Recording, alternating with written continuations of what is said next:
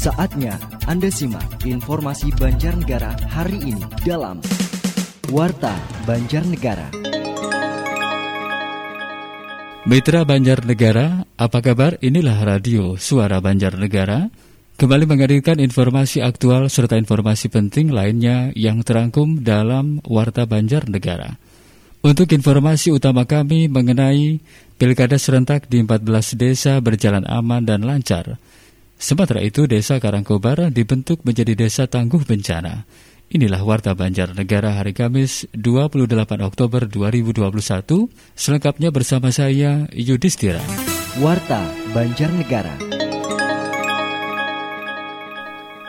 Pelaksana harian Bupati Banjarnegara Syamsuddin mengatakan pelaksanaan pemilihan kepala desa yang berlangsung pada hari Rabu berjalan aman dan lancar dengan menerapkan protokol kesehatan yang sangat ketat guna mencegah penyebaran COVID-19. Dari laporan tim yang memantau pilkades yang tersebar di 14 desa dari 11 kecamatan, diketahui bahwa pelaksanaan secara umum berjalan dengan baik, protokol kesehatan juga dilaksanakan dengan ketat. Usai dilaksanakan pilkades, PLH Bupati meminta semua pihak untuk tetap menjaga situasi dan kondisi yang aman dan damai hingga seluruh prosesnya tuntas. Dengan demikian, dia berharap keseluruhan pesta demokrasi ini berjalan dengan aman dan lancar, tanpa kendala, sukses serta menghasilkan kepala desa terpilih yang berkualitas. Bupati mengatakan bahwa pilkades di 14 desa merupakan gelombang pertama, sementara gelombang kedua dan ketiga menurut rencanakan pada tahun 2024 dan 2026 mendatang. Harapan kami masyarakat bisa menjadi sebuah gambaran tentang bagaimana perjalanan pilkades yang benar-benar tanpa menyisakan masalah. Berjalan aman, lancar, sesuai dengan ketentuan, dan tidak ada persoalan-persoalan yang kemudian muncul. Harapannya dengan perjalanan yang seperti itu, kegiatan selesai, lancar, aman, hadir pemimpin yang terbaik dari desa-desa yang menyelenggarakan pemilihan kepala desa ini. Sehingga ke depan upaya berikutnya untuk membangun ekonomi rakyat, lihat perekonomian yang diakibatkan oleh pandemi yang hampir dua tahun ini benar-benar berjalan dengan sebaik sebaik-baik. Dijelaskan 14 desa yang mengikuti pilkades yaitu Desa Kutayasa dan Belambangan di Kecamatan Bawang, Desa Bandingan di Kecamatan Sigaluh, dan Desa Seret di Kecamatan Madukara. Selain itu, Desa Kecepit di Kecamatan Punggelan, Desa Kecitran di Kecamatan Purwareja Kelampok, Desa Simpang di Kecamatan Mandiraja, dan Desa Berta di Kecamatan Susukan.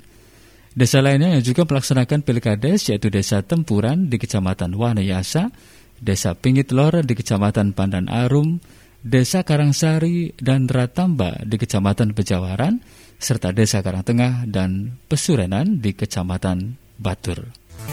Warta Banjarnegara Dikarenakan berada di daerah zona merah wilayah rawan bencana alam, Desa Karangkobar, Kecamatan Karangkobar menggelar pelatihan dan pembentukan Desa Tangguh Bencana atau Destana sebagai ujung tombak pencegahan bencana di wilayahnya. Pembentukan dan pelatihan kebencanaan merupakan satu tindakan antisipasi serta meminimalisir korban jika terjadi bencana. Kemampuan dan pemahaman para relawan menjadi kunci dalam penanganan bencana. Kabit Kedaruratan dan Logistik BPBD Banjarnegara Andri Sulistio mengatakan, dalam program Desa Tangguh Bencana ini, desa yang utamanya berada di lokasi rawan bencana diberikan pelatihan penanggulangan bencana dan dibentuk Forum Pengurangan Resiko Bencana. Dengan dibentuk Desa Tangguh Bencana, diharapkan masyarakat akan sadar jika selama ini tinggal di daerah rawan bencana, sehingga dapat melakukan pencegahan dan meminimalisir adanya korban jiwa jika terjadi bencana. Desana tahun ini programnya sama 10 desa tangguh bencana sudah kita lalui dari ada 10 desa daerah rawan bencana yang akan kita latih menjadi desa tangguh bencana. Dari 199 desa yang rawan longsor. Ya masyarakat bisa memiliki kemampuan, keahlian untuk mengurangi dampak risiko bencana. Masyarakat bisa langsung melakukan upaya-upaya pencegahan dini terkait dengan kegiatan apa eh, terkait dengan ancaman longsor yang ada di daerah. Hingga saat ini menurutnya sudah ada 68 desa tangguh bencana yang dibentuk di seluruh wilayah Kabupaten Banjarnegara. Diharapkan setiap tahun jumlahnya terus bertambah sehingga masyarakat akan menjadi siap jika terjadi bencana. Warta Banjarnegara. PLH Bupati Banjarnegara Samsudin mengingatkan warga di wilayah Banjarnegara untuk tetap disiplin memakai masker meskipun pada saat ini kasus harian COVID-19 terus menurun. Samsudin mengatakan dengan tetap memperkuat protokol kesehatan diharapkan warga dapat beraktivitas dengan aman dan nyaman. Sebab hingga saat ini pandemi COVID-19 belum berakhir, sehingga masyarakat masih perlu terus memperkuat protokol kesehatan. Selain tetap disiplin memakai masker, masyarakat juga perlu tetap menghindari kerumunan dan mencuci tangan serta segera mendapatkan vaksinasi bagi yang belum. Terkait hal itu, pihaknya akan terus menggencarkan kampanye dan edukasi mengenai pentingnya penerapan protokol kesehatan selama pandemi COVID-19. PLH Bupati mengajak warga yang belum mendapatkan vaksinasi COVID-19 untuk segera mendaftarkan diri ke kader kesehatan atau ke puskesmas terdekat. Warta Banjarnegara. Ketua fraksi PDI Perjuangan DPR RI Utut Adianto melakukan reses di wilayah Kabupaten Banjarnegara dengan melakukan pertemuan di Aula Gedung DPC PDI Perjuangan Banjarnegara dengan sejumlah kader setingkat PAC dan DPC PDI Perjuangan setempat. Dalam kesempatan itu, Utut meminta kepada kader PDI Perjuangan untuk meningkatkan semangat gotong royong dalam membesarkan PDI Perjuangan. Menghadapi pemilu 2024, Utut juga meminta PDI Perjuangan Banjarnegara untuk dapat meningkatkan perolehan kursi di legislatif.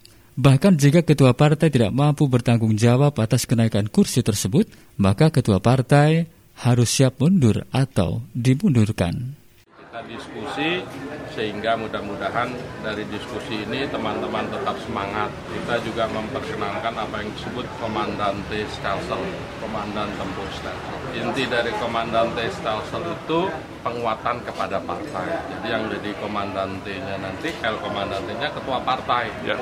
Kalau target kan Ketua Sekretaris Bendara DPC berikrar di Jawa Tengah mm-hmm.